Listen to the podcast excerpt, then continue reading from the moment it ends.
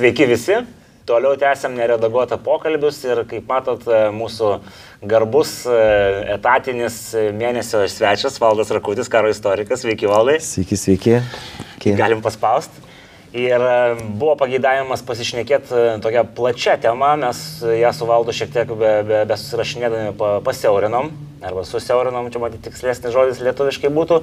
Tai šios dienos tema yra religinių karų epocha.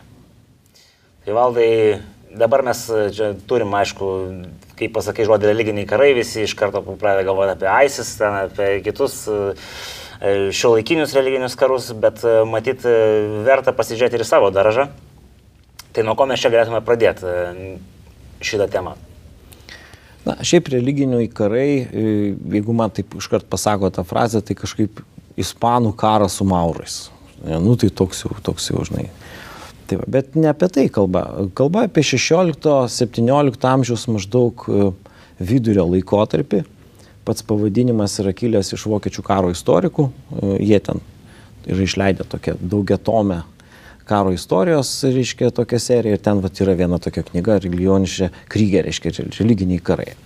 16-17 amžiaus. Ir man patiko ta klasifikacija, nes jinai iš tikrųjų atspindi kažkokią karo esmę to laikotarpio.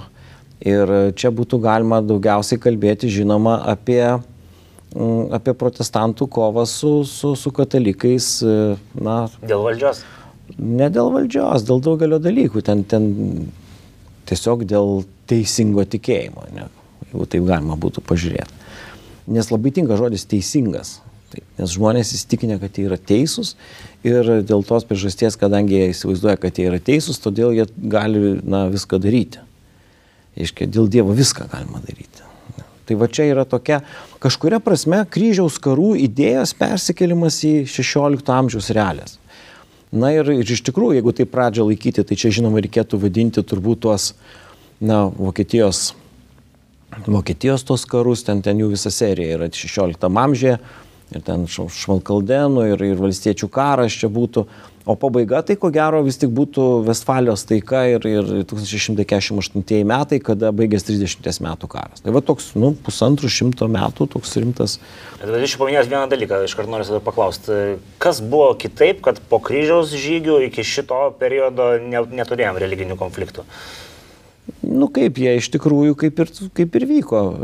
Ne tiesiog, masto, ar... jo, tiesiog gal nebeliko tokių e, aiškių frontų. E, nors Ispanijoje tie karai ten iki 15 amžiaus pabaigos, nu kol jau ten paskutinė, paskutinė Maurų valstybė nebuvo užimta, tai galima, galima sakyti, kad jie tęsiasi ir tiesą sakant, Ispanijos kariuomenė religiniuose karuose vaidina turbūt didžiausią vaidmenį.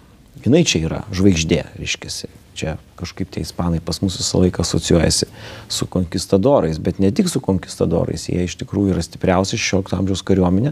O ir 17 amžiaus pirmoje pusėje dar reikia labai pasiginčyti, ar pavyko jom ten kas nors, ar pavyko kažkam jos išstumti ar ne. Ten gal atsiranda rimtų konkurentų, bet realiai tai vis tiek dar ispanų kariuomenė ten labai aiški, svarbi ir reikalinga. Tai va, tai kaip ir toks nėra to tarpo. Tai nuo vieno prie kito pereina.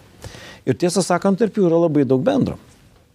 Nes ispanų kariuomenė, kad ir įveikusi savo ideologinius priešus, o ir politinius ir ekonominius, natūraliai reiškia arabus, jinai nepraranda savo tokios religinės prigimties ir jinai įsijungia, sakykime, į tos vadinamosios Italijos karus, išlaikydama visiškai savo tą tokią sąmonę.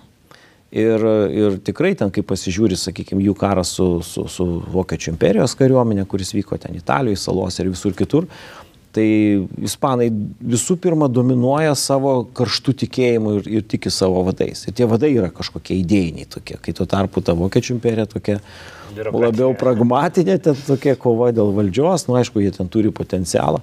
Tai va, tai religiniai karai, jie turi ryšį su viduramžiais tiesioginį, bet išsiskiria kuo? Išsiskiria tuo, kad nebėra kovos prieš islamą, jisai nueina visiškai į antrą planą, arba lieka, sakykime, rytų arba pietų Europos regiono čia tokia realija.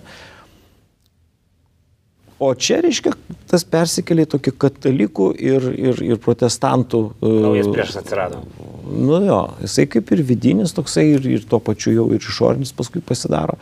Ir turi įtakos ne tik tai tikėjimas, bet turi ir valstybės, kurios yra vienoje ir kitoje pusėje. Ir, sakykime, nu, kaip ten pažiūrėti, pavyzdžiui, tokie anglai. Tai anglai jie yra, kad ir protestantai, bet jie, reiškia, na, yra ir anglai. Ir, ir tą turi savo failą. Ir štai su jais vyksta labai rimta kova. Ir ten religinis aspektas tarsi nėra toks labai esminis, daugiau gal ekonominiai dalykai, gal užvaldymo pasaulio,